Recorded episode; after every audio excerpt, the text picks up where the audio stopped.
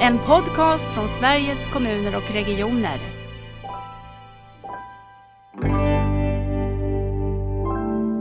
Som vi vill uppnå att hantera vardagens utmaningar som vi alla möter. Eh, jag har informerat våra deltagare om det här i vår hälsoskolan och eh, det var nästan någonting unikt för dem för att patientkontrakt finns inte i andra länder. Det finns inte sådana system eller så.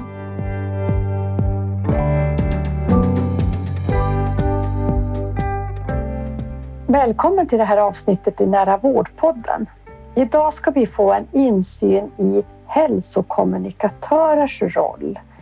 Och till vår hjälp har vi Helena Linder som är samordnare för hälsokommunikatörerna i Region Jönköpings län och Dina Marcos som är hälsokommunikatör i Jönköpings län, Region Jönköpings län. Välkomna till Nära vårdpodden. Tack. Mm, tack. Hur är läget? Helena, hur känns det idag? Ja, det känns fint här tycker jag verkligen. Det känns bra. Mm. ja, det känns bra faktiskt. Mm. Börja med att berätta lite om er själva. Dina, börja du berätta om dig. Vem är du? Ja, vem är jag? Jag, jag heter Dina Marcos. Eh, jag jobbar just nu i Region Jönköpings län som hälsokommunikatör, arabisktalande hälsokommunikatör. I, i botten, eh, jag är undersköterska. Jag har jobbat inom kommunen som eh, infektionsnedsättning. Jag har jobbat i, i äldreomsorg, i hemtjänst innan jag började jobba här i Region Jönköpings län. Eh, jag har bott eh, i Sverige i nästan 17 år mm. snart. Eh, I min hemland jag var hälsoidrottslärare. Jag läste under, jag läste där i Irak till hälsoidrottslärare. I Sverige jag läst till undersköterska och eh, jag fick tjänst inom regionen 2016. Vi har börjat jobba som hälsokommunikatör och vi jobbade då på det var en litet projekt som var bara 50 procent och just nu vi är upp till en verksamhet och heltidsjobb. Mm. Eh, jag är, I familjen jag är en mamma. Jag har tre barn, två söner och en dotter. Eh, jag pratar arabiska, eh, kurdiska, eh, lite engelska, svenska men min modersmål är assyriska. Just det. Det är jag. Tack, välkommen Dina. Helena, Tack. fyll på. Vem är du? Ja, och först och främst skulle jag vilja säga att jag är ju både mamma och fru och farmor och mm. nybliven bonusmormor. Mm. Så det är min största merit tror jag. Ja, att få ha det. Eh, sen, eh, jag har jobbat tre år tillbaka som utredare inom integration och samordnar hälsokommunikatörernas arbete. Mm. Eh, och min grundprofession är socionom och jag har också en kandidat i socialt arbete. Mm. Så tidigare erfarenheter är mycket från socialtjänsten, funktionshinderomsorg och flyktingbarn och lite olika Eh, inriktningar. Men det som jag kunde se främst i det sociala arbetet, det var en ohälsa som eh, bland invånare och eh, att vi får vara med och möta den ohälsan och jobba förebyggande idag känns fantastiskt. Det var lite kort om mig. Verkligen.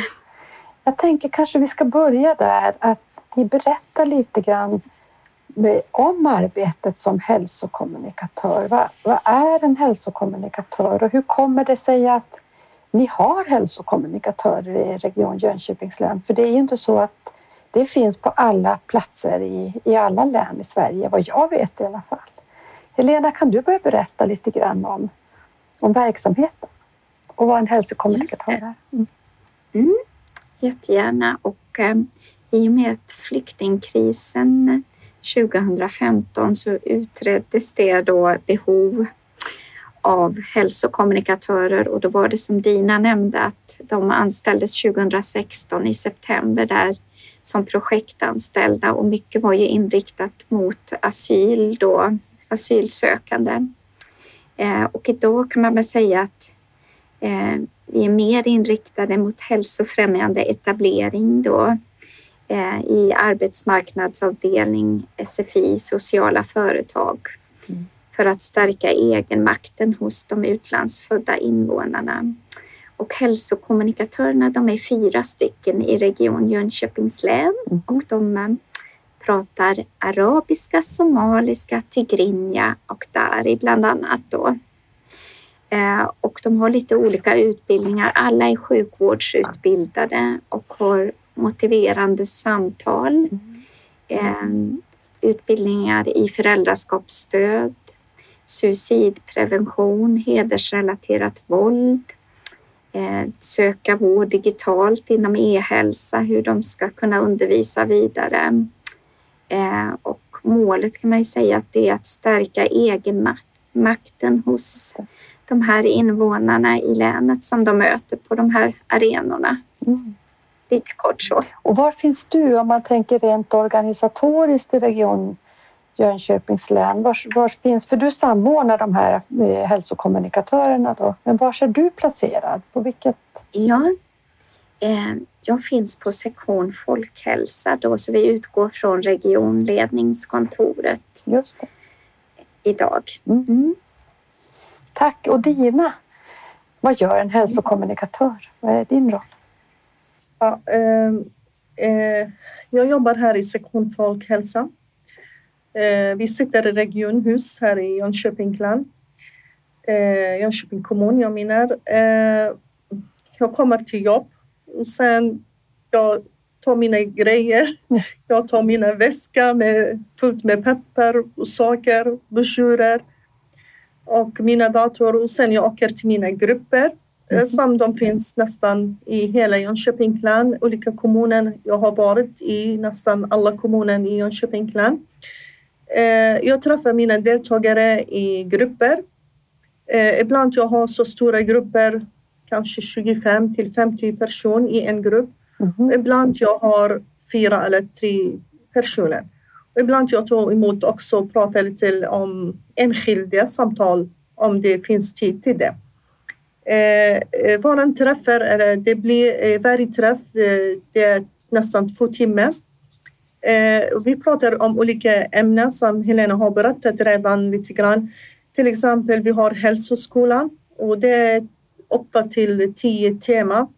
Eh, olika teman som eh, söka jobb digital hälsoinformation om Sveriges eh, sjukvårdssystem, hur det funkar här. Mm.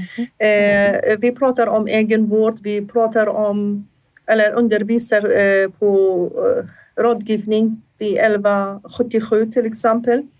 Eh, vi har kvinnohälsa, vi har sexualitet, hälsa, vi har levnadsvanor eh, som stress, oro, eh, föräldrastödskap, eh, eh, vad heter den? Och, eh, vi pratar mycket om familjen och eh, skyldighet, rättighet, samhälle i Sverige, hur det funkar, samhällsskola, förskolan.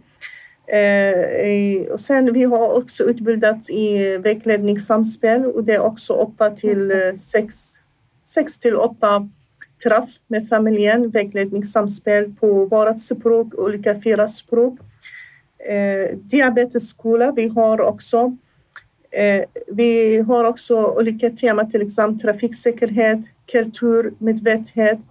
Eh, så det är så många samhällen som vi jobbar med just nu. Eh, innan vi har jobbat i, under pandemi till exempel, vi var jättenära människor. Att till exempel prata med provtagning, det är så viktigt att ta prov när man är sjuk. Att stanna hemma till exempel. Eh, från början. Sen mycket med, med vaccin vi har jobbat mm. med. Ja. I vår, våra deltagare det är olika. Eh, jag, träffar, eh, jag träffar till exempel barn i olika skolor, till, exempel mm. Vegetaliegymnasiet. Vi har jobbat där. Sen vi har vuxna i våra grupper och jag jobbar ganska mycket med äldre också. Så vi har också en process äldre som är jag jobbar med dem. Mm. Men hur kommer de här personerna Hur kommer de i kontakt med dig Dina? Alltså hur, hur kan man komma in i hälsoskolan eller få kontakt med dig? Hur går det till? Mm. Ja, eh, våra kontakter det kommer eh, vid Helena. Alltså Helena, det är hon som är samordnare som just nu. Så det är hon som hittar kontakter. Ibland de hittar oss. Vi är väldigt uppskattade överallt. Det måste jag säga. Mm. Så folk, de som vill gärna eh, träffa oss och leta efter oss, eh, det kommer vi Helena faktiskt. Ja. Och sen vi ja, åker. Ja. Helena, men hur, vad blir din roll då för att de här människorna ska kunna komma i kontakt med Dina? Var kommer de kontakterna ifrån? Mm. Ehm, jag har ju ett ganska stort nätverk då över är med integrationsnätverk och så, både med Länsstyrelsen och ehm, kommunal utveckling och regional utveckling, men även mot civilsamhället. Så det kan vara allt från språkcaféer och så här också som de undervisar, men mestadels är det på arbetsmarknadsavdelningar för där mm. finns människor i etableringsfasen och flyktingsektion kan det vara också och sociala företag och även de här aktörerna som Arbetsförmedlingen skickar sina deltagare till då, eller kunder. Eh, och där eh, har vi jättefin kontakt med många aktörer så vi har nästan svårt att liksom eh, svara upp på behoven för eh, det är ett stort tryck på hälsokommunikatörerna då. Mm. Jag tänker Dina, är det så du säger att det här är väldigt uppskattat? Är det så redan när man kommer till första mötet? Känner man att det här är något jag har längtat efter eller finns det någon, någon fundering vad det är för någonting? Ja, vilken bra fråga. För mig, alltså det känns hela tiden när jag kommer in i en grupp eh, så det känns att det här jag kommer andra. Det här jag kommer göra andra mycket i den här gruppen. Det här mm. de kommer uppskatta mig uppskattar vår undervisning, vår material, eh, vår information. För att det, folk behöver det. Folk behöver det. Många som har kommit, även om de har bott så lång tid här i Sverige, ändå de har inte nått de här information som vi har på ett rätt sätt eller de har inte ens vet om det. Nej. Så självklart, man blir uppskattad. Idag jag, var, jag har varit i Tranås kommun Mm. Och jag hade där eh, föräldrastödskap. Och där jag pratade till om rättighet och skyldighet och det var jätte... Alltså de vill inte släppa mig. De vill, jag, vill, alltså jag blir lite för sent till Helena, men de vill inte för att det är så viktig information. Mycket om social, mycket om eh, vår rättighet, mycket om barns konfession till exempel. Så det där är många som kan inte det. Nej. Eh, så det, det är faktiskt, det, det känns att det är uppskattat överallt. Ja. Vad, vad skulle ni säga att det här gör för skillnad? Eh, när man eh, kan få jobba som hälsokommunikatör och möta de här personerna. Vad är det viktigaste skillnaden? Vad ger det för mm. effekt? Mm. Eh, ska jag svara? Ja. Svara på eh, det, Ja effekt, eh, alltså det, det kan man se eh, kort effekt kan man se att också det påverkar, det blir långt effekt. Alltså vårt jobb, det är inte ett tablett och man tar den så man mår bra. Nej, Nej det, det kan ge lång tid effekt. Och samtidigt ibland när jag träffar dem efter tre, fyra månader, så de berättar till mig Dina, nu jag mår bättre, jag sover bättre till exempel. Jag Alltså jag har minskat min stress. Jag, jag går upp, eh, alltså jag går, jag går ner på vikt. Jag har gått ner på vikt. Jag vet mer hur jag relation eh, med min barn, med min man till exempel. Det är många sådana saker som de berättar till mig. Då har jag fattat att det här har gett en stor effekt. Mm. Sen eh, vi har enkäter som vi uppföljer dem efter våra träffar så kan man se olika röster. Att någon som har, gå, som har börjat gå istället att uh, åka bil eller buss, eh, någon som har uh, minskat stress, någon som har bättre relation med familjen, någon som har bättre bild om socialtjänst, någon som har kontaktat barnmottagning till exempel. Eh, så det är många saker som har ändrat på deras. Det, det, det, jag tror det här är någonting som vinst till oss. Fantastiskt. Ja. Vad tänker du Helena, vill du lägga till något i det här med effekter och vad får du för frågor från ledningshåll kring effekterna? Ja, precis. Ja. Exakt, för jag rapporterar ju vidare till politik, politiker och så. Det är fantastiskt med de här enkätuppföljningarna då, för vi har kopplat själva enkäten som är i pappersform då med bilder för att den bilden som hör till hälsa ska liksom påminnas för att de ska komma ihåg svaret. Till exempel som stress och oro så är det en bild från bildspelet och eh, det vi kan se är att faktiskt 75 procent av eh, nu har vi 238 enkäter här, att 75 procent har ändå ändrat sitt rörelsemönster och mm. eh, de har börjat gå som Dina nämner. Eh, den här vardagsmotionen, börja röra på sig och till och med träna. Det är en del som har börjat på något gym. Dina hade en jättefin grupp där, där alla fem kvinnor började på gym efter hon hade varit där. och även den här att hantera stress och oro och även 70 procent kan vi se också med matvanorna att minskat sockerintag och lite mer regelbundna matvanor. Eh, men jag skulle också vilja säga att ehm, att beskriva det är ett ökat välmående skulle jag vilja liksom bara well-being mm. tycker jag är så fint mm. att det är det som vi vill uppnå, att hantera vardagens utmaningar som vi alla möter. Eh, det är nog det största vinsten. Det är i, just i omställningen till nära vård så pratar vi väldigt mycket om att att det är ett väldigt starkt sätt att eh, både driva ett hälsosamt, men också ett hälsosamt liv och kunna få vara självständig och, och ha en god hälsa, men också en jämlik hälsa. Att vi också jobbar mycket mer med allas rätt till att få samma information och kunna använda sina förmågor. Jag tänker eh, kopplingen till Eh, har ni hälsosamtal i Region Jönköping för eh, invånare generellt från primärvårdshåll? Mm, det stämmer. Allt från eh, jag tror när man har blivit förälder och mm. sen så är det olika åldrar där också. Just det. det finns hälsosamtal och även i skolan om jag uppfattar rätt mm. där också. Just det.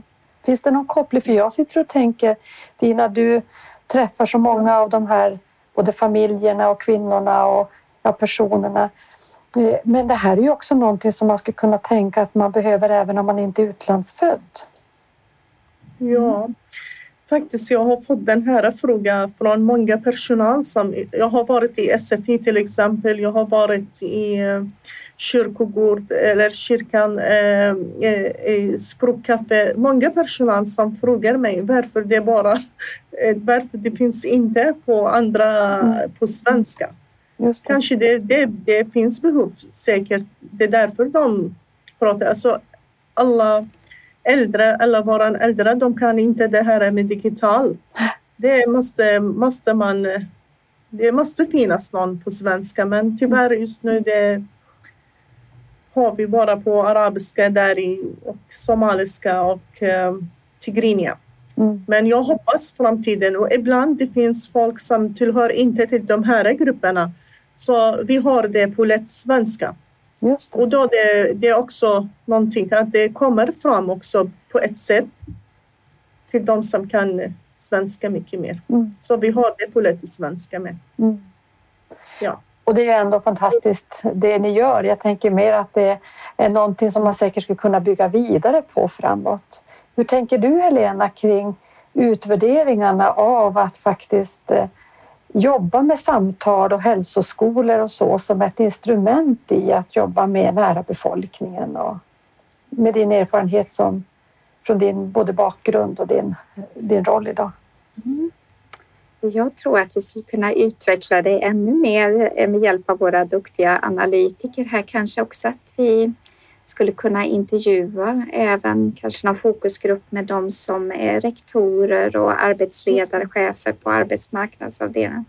Men kanske också vi skulle behöva ha fokusgrupp med den här gruppen med personer som har analfabetism. Mm. För där kan jag se i svaren att eh, det kan skilja i svaren och vi får inte de här nyanserna. Så vi skulle behöva jobba vidare där lite ytterligare, tänker jag, och spetsa oss för att få en ännu större helhetsbild.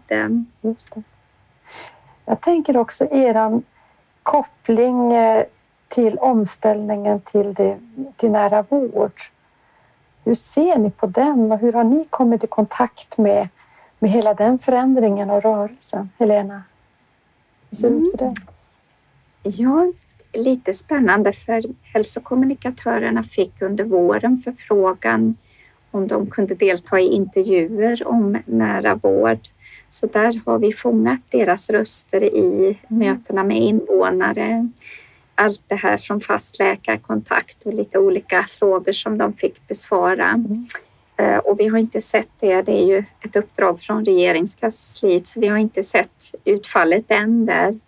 Men däremot så fick vi ett uppdrag från eh, vår utvecklingsenhet att jobba med patientkontrakt.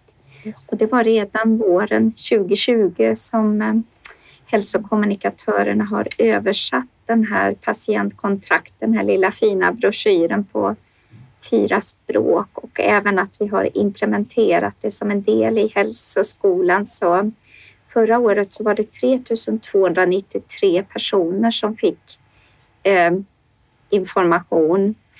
Eh, och eh, då tänker jag att vi har ändå nått en liten del av våra länsinvånare där med patientkontrakt på, på just de här fyra språken.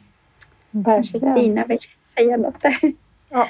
Nej, men som du sa Helena, att vi först vi, när vi fick det här uppdraget, vi översatte det till fyra språk.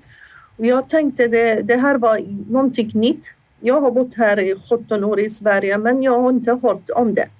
Ja. Så det, det, är lite svårt att komma in med den. Men ändå när vi, vi har eh, jag har informerat våra deltagare om det här i vår hälsoskolan. Och eh, det var nästan någonting unikt för dem för att det, så, patientkontrakt finns inte i andra länder. Det finns inte ja. sådana system eller så, eh, att man jobbar på andra länder. Det finns inte sånt.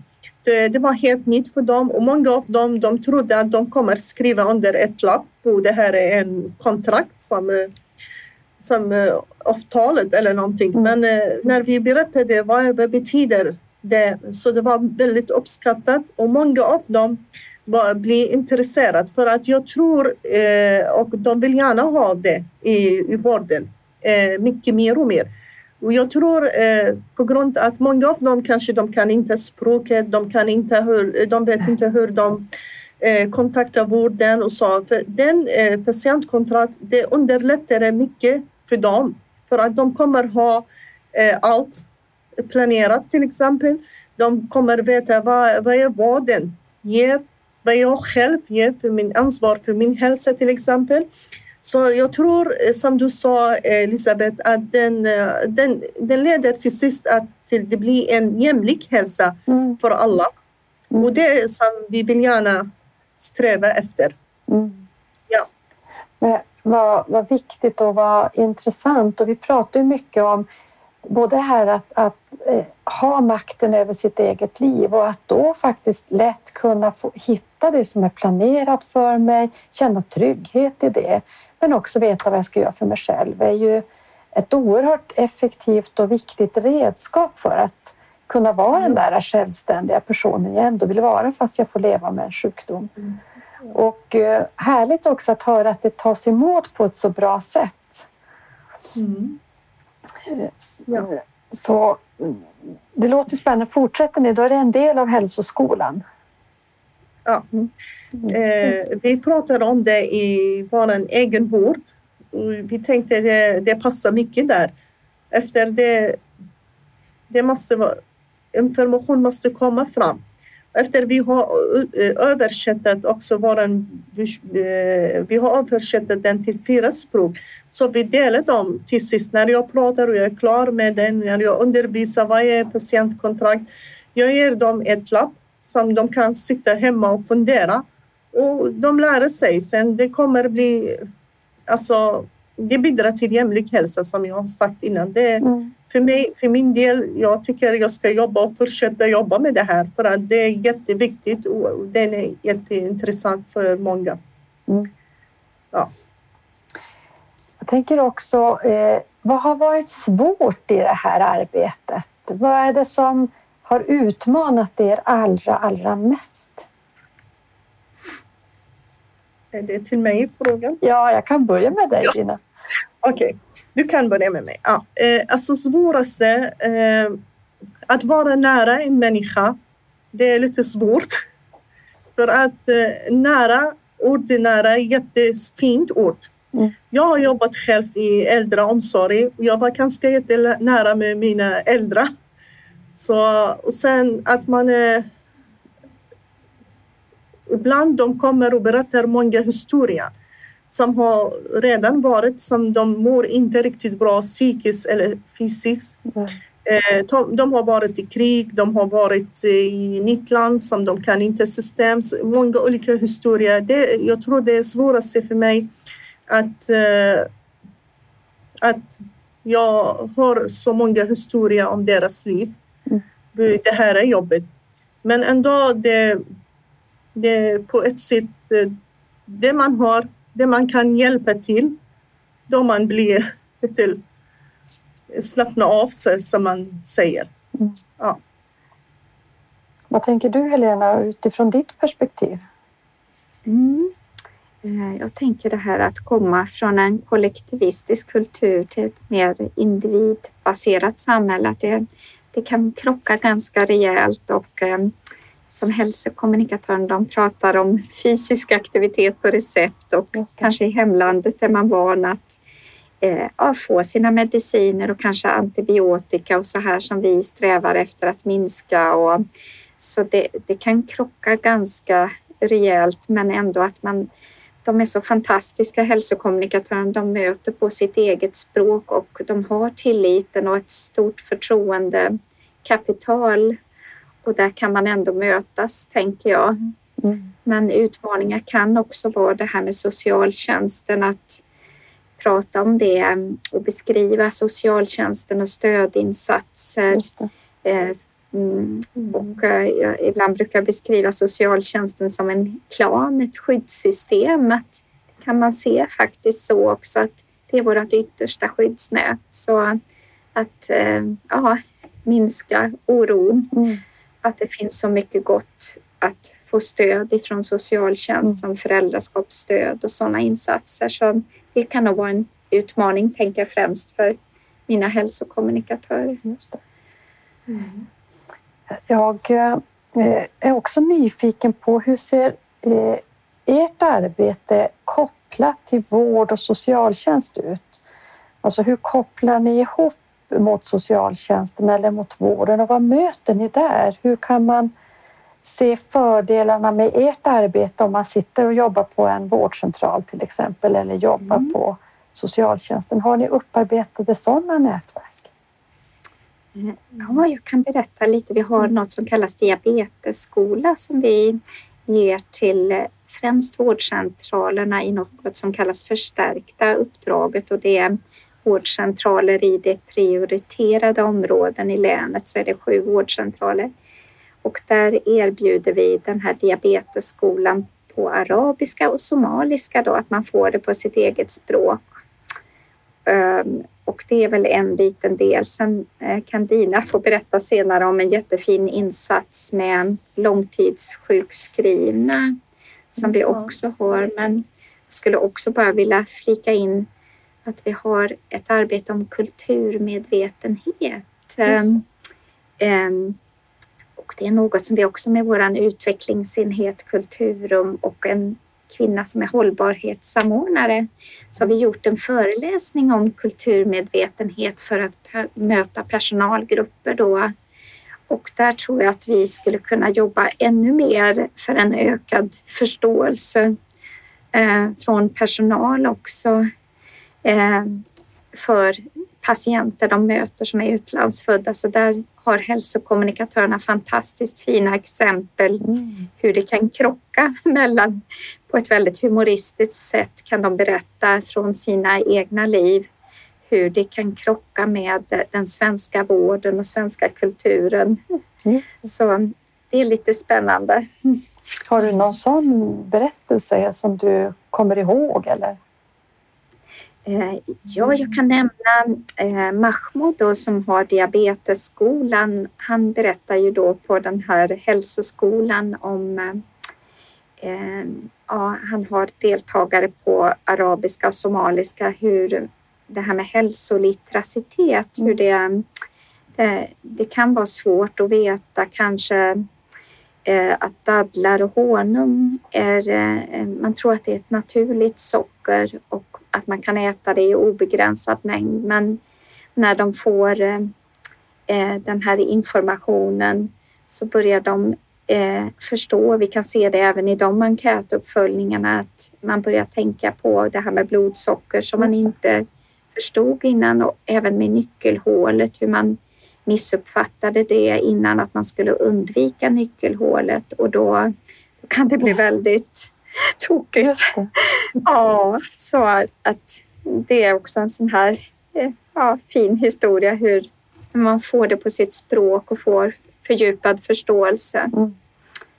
Får bli mm. rustad faktiskt på riktigt. Det är ju jätteviktigt. Mm.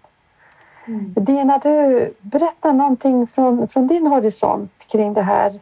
Helene sa ju att du berättade en berättelse om arbetsmarknadsfrågor, var det så? Eh, just det, eller Tranås vårdcentral får du gärna berätta ja. där.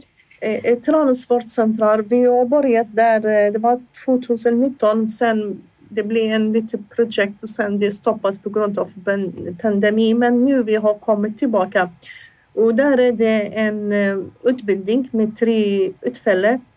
Uh, vad heter den? Uh, med rehabilitering. Mm. Uh, personal som jobbar i vårdcentral. De, och vi som hälsokommunikatörer, vi träffar personer eller patienter som har lång tid smärta som de förstår inte vad är det för smärta eller som de kommer bara och knäcka hela tiden på vårdcentral och sitter där och de har smärta överallt och de mm. vet inte vad är det är. det stress eller är det en sjukdom? Lång tid eh, sjukskrivna.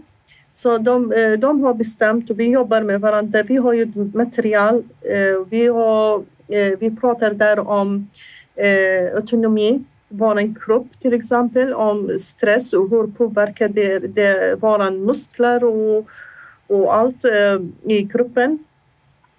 Så vi träffar dem tre gånger och vi, vi står där bredvid en sjukgymnast och pratar om hälsa.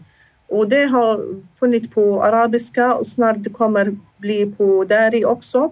Mm. Och eh, våra resultat, det, det var jättefint utvärdering när de var klara med den. Så de fick, de här personerna, de, de kunde veta mer förståelse till deras hälsa och hur man kommer eh, behandla behandling till deras hälsa. Så det, jag tror eh, de, de fick veta mycket mer än de kunde innan den här utbildningen. För att eh, en, en sjukdom som är bara stressrelaterad, då den är lång tid. Ja. Så man måste behandla först stressen och sen kommer till den psykiska eh, ohälsan. Mm. Eh, det är därför eh, jag, jag tror det var ett jättefint projekt där med Trans kommun eh, eller vårdcentral. Och jag hoppas att de andra vårdcentralerna också de kommer eh, vi kommer in i deras eh, verksamhet och har sådana utbildning. Det, jag tror den är jättefint. Jag mm. tror det är någonting som är också tillhör lite till patientkontrakt. För att där också man berättar, det är jättenära, vi är jättenära dem. Vi berättar hur det går med deras hälsa, hur det, det kommer bli att det ska vara hållbarhet, jämlikhet, eh, att de ska förstå vad de ska de göra för deras. De måste till exempel inte bara sitta hemma, de måste röra sig. de måste äta bra, de måste vara aktiva lite. Så det, det kommer minska allt. Det, det, är därför jag tror det är en del också med, från patientkontrakt nästan. Mm.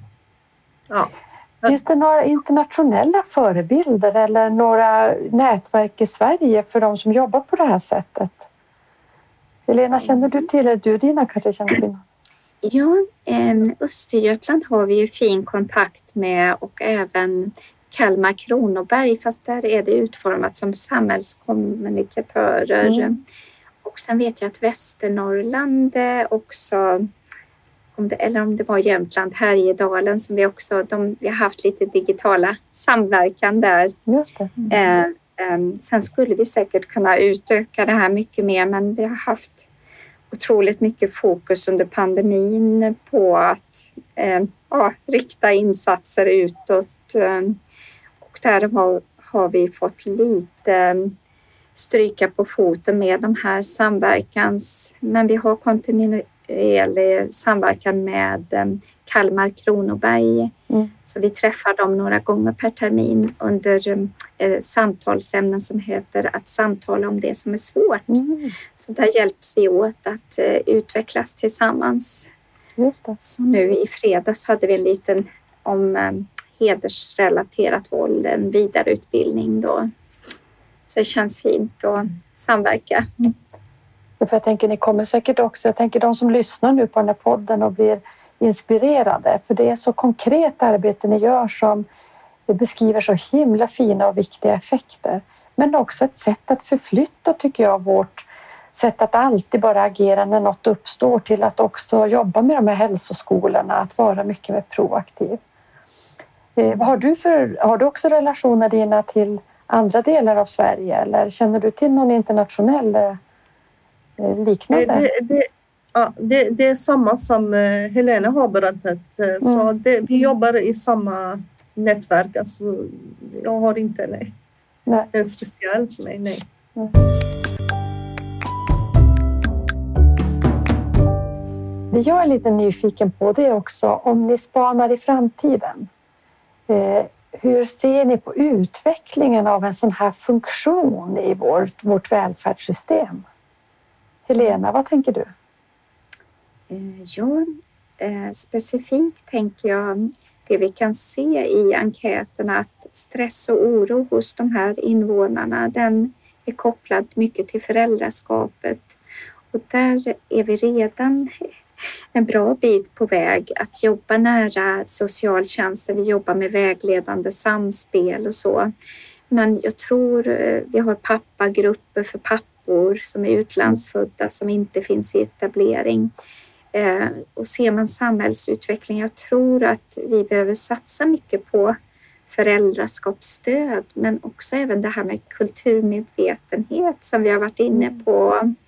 Att möta personalgrupper och ökad förståelse mellan olika kulturers och välfärdssystem, skillnader mm. där. Att vi kan mötas någonstans där, tänker jag. Mm. Just det.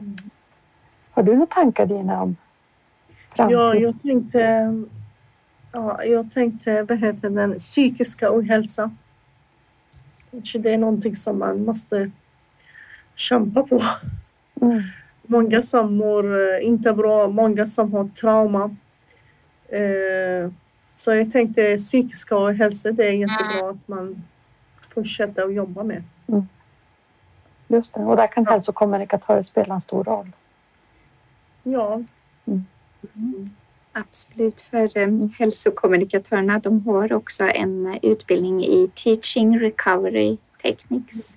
Mm. Så det är ju en KBT-baserad metod för att möta människor i grupp um, um, gällande trauma, då att man hittar redskap och hanterar vardagen. Så Eh, det skulle vi gärna vilja jobba med också vidare.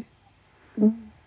Men det för mig in på frågan om just kompetens. För du sa i början av eh, eh, vårt samtal, Helena, att de som har din roll, Dina, eller du och de som har den roll, de har någon koppling till ett vårdyrke och du var ju både hälso vägledare och, id- och jobbar både med hälsa och idrott, Dina. Ja, ja. Och vi pratar mycket jag, om kompetensförsörjning och vad vi behöver för kompetenser framåt i välfärdssektorn. Eh, hur ser ni på vilken, vilken plattform behöver man ha för att vara hälsokommunikatör? Alltså det, det är jätteviktigt att man har en vårdutbildning. Alla vi fyra, vi har någon slags uh, vårdutbildning. Sen uh, vår hälsokommunikatör, uh, uh, somaliska, alltså Mahmoud, han, pratar, han är själv uh, allmänt läkare. Han är läkare.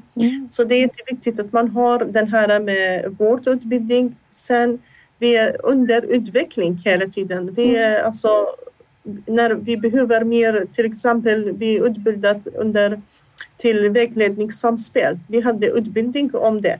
Vi hade utbildning om motiverade samtal. Vi, hade vi är hela tiden under utveckling men vår eh, utbildning det är jätteviktigt att man har det. Och att man har lite erfarenhet också, att man har bott här lite grann i Sverige. Man vet, man har jobbat innan inom vård. Det är jätteviktigt också tycker jag. Mm.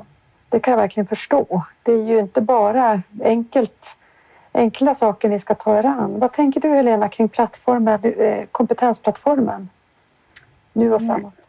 Just det, kompetensplattform. Ja, det kanske... Jag vet ju att det finns det här Milsa eh, som är väldigt fint på SKR där. Så Mm. kanske där att man skulle kunna använda sig av det. För det finns ju många mm, ämnen där som skulle kunna kroka arm, tänker jag, med hälsokommunikatörerna. Jag tror den är lite mer inriktad till samhällskommunikatörer, men det. jag tror absolut eh, eh, men vi ser ju också behov av hälsokommunikatörer för att det är en hälsofrämjande insats, tänker Mm. jag. Mm. Sen skiljer det lite, så jag tror en del kan vara anställda av Länsstyrelsen, så det kan se lite olika ut i Sverige Mm. Eh, var man som hälsokommunikatör finns då. just det. Jag tror i, i Östergötland är man under flyktingmedicinskt centrum där och eh, likadant i Stockholm så är det väl transkulturellt centrum. Så organisatoriskt kanske man också skulle behöva mötas också. Eh, att finna vägar så att det finns också medel för att finansiera hälsokommunikatörers Ja, tjänster också, tänker jag. Är det här med nära för dig? nära för mig. Jag... Alltså, runt familjen. Att vara nära med mina, alla mina känslor till mina barn, eh, familjen och eh, i mitt jobb så jag tror jag är jättenära med mina deltagare. Mm. Och eh, som jag har berättat innan, alltså att vara nära med en patient, det hjälper mycket. Det hjälper mycket den patient att bli, att man bygger relation. Eh, då man eh, mer aktiv medskap Mm. med varandra. Då man mår bättre, tror jag. Tack. Och, ja. Nära är ett fint ord faktiskt. Mm. Ja. Tack så mycket Dina. Helena, hur Tack. tänker du? Eh, ja, jag skulle nog vilja koppla nära till tillit.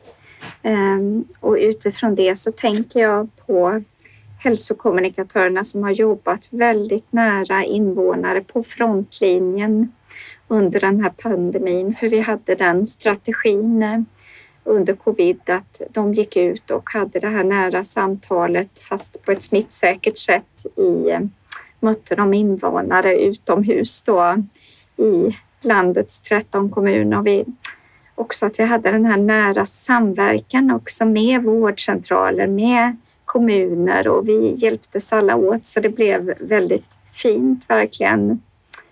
Ehm, men också nära, tänka på min närmsta familj och mina barn och syskon och ja, nära vänner. Det är också verkligen nära. Mm. mm. Tack så jättemycket. Jag tänker att det arbete ni gör, det är verkligen framåtsyftande och ni går före på många plan. Och jag tänker nära passar verkligen in på, på ert arbete. Så tack så jättemycket att ni ville vara med i Nära vårdpodden. Tack. Tack.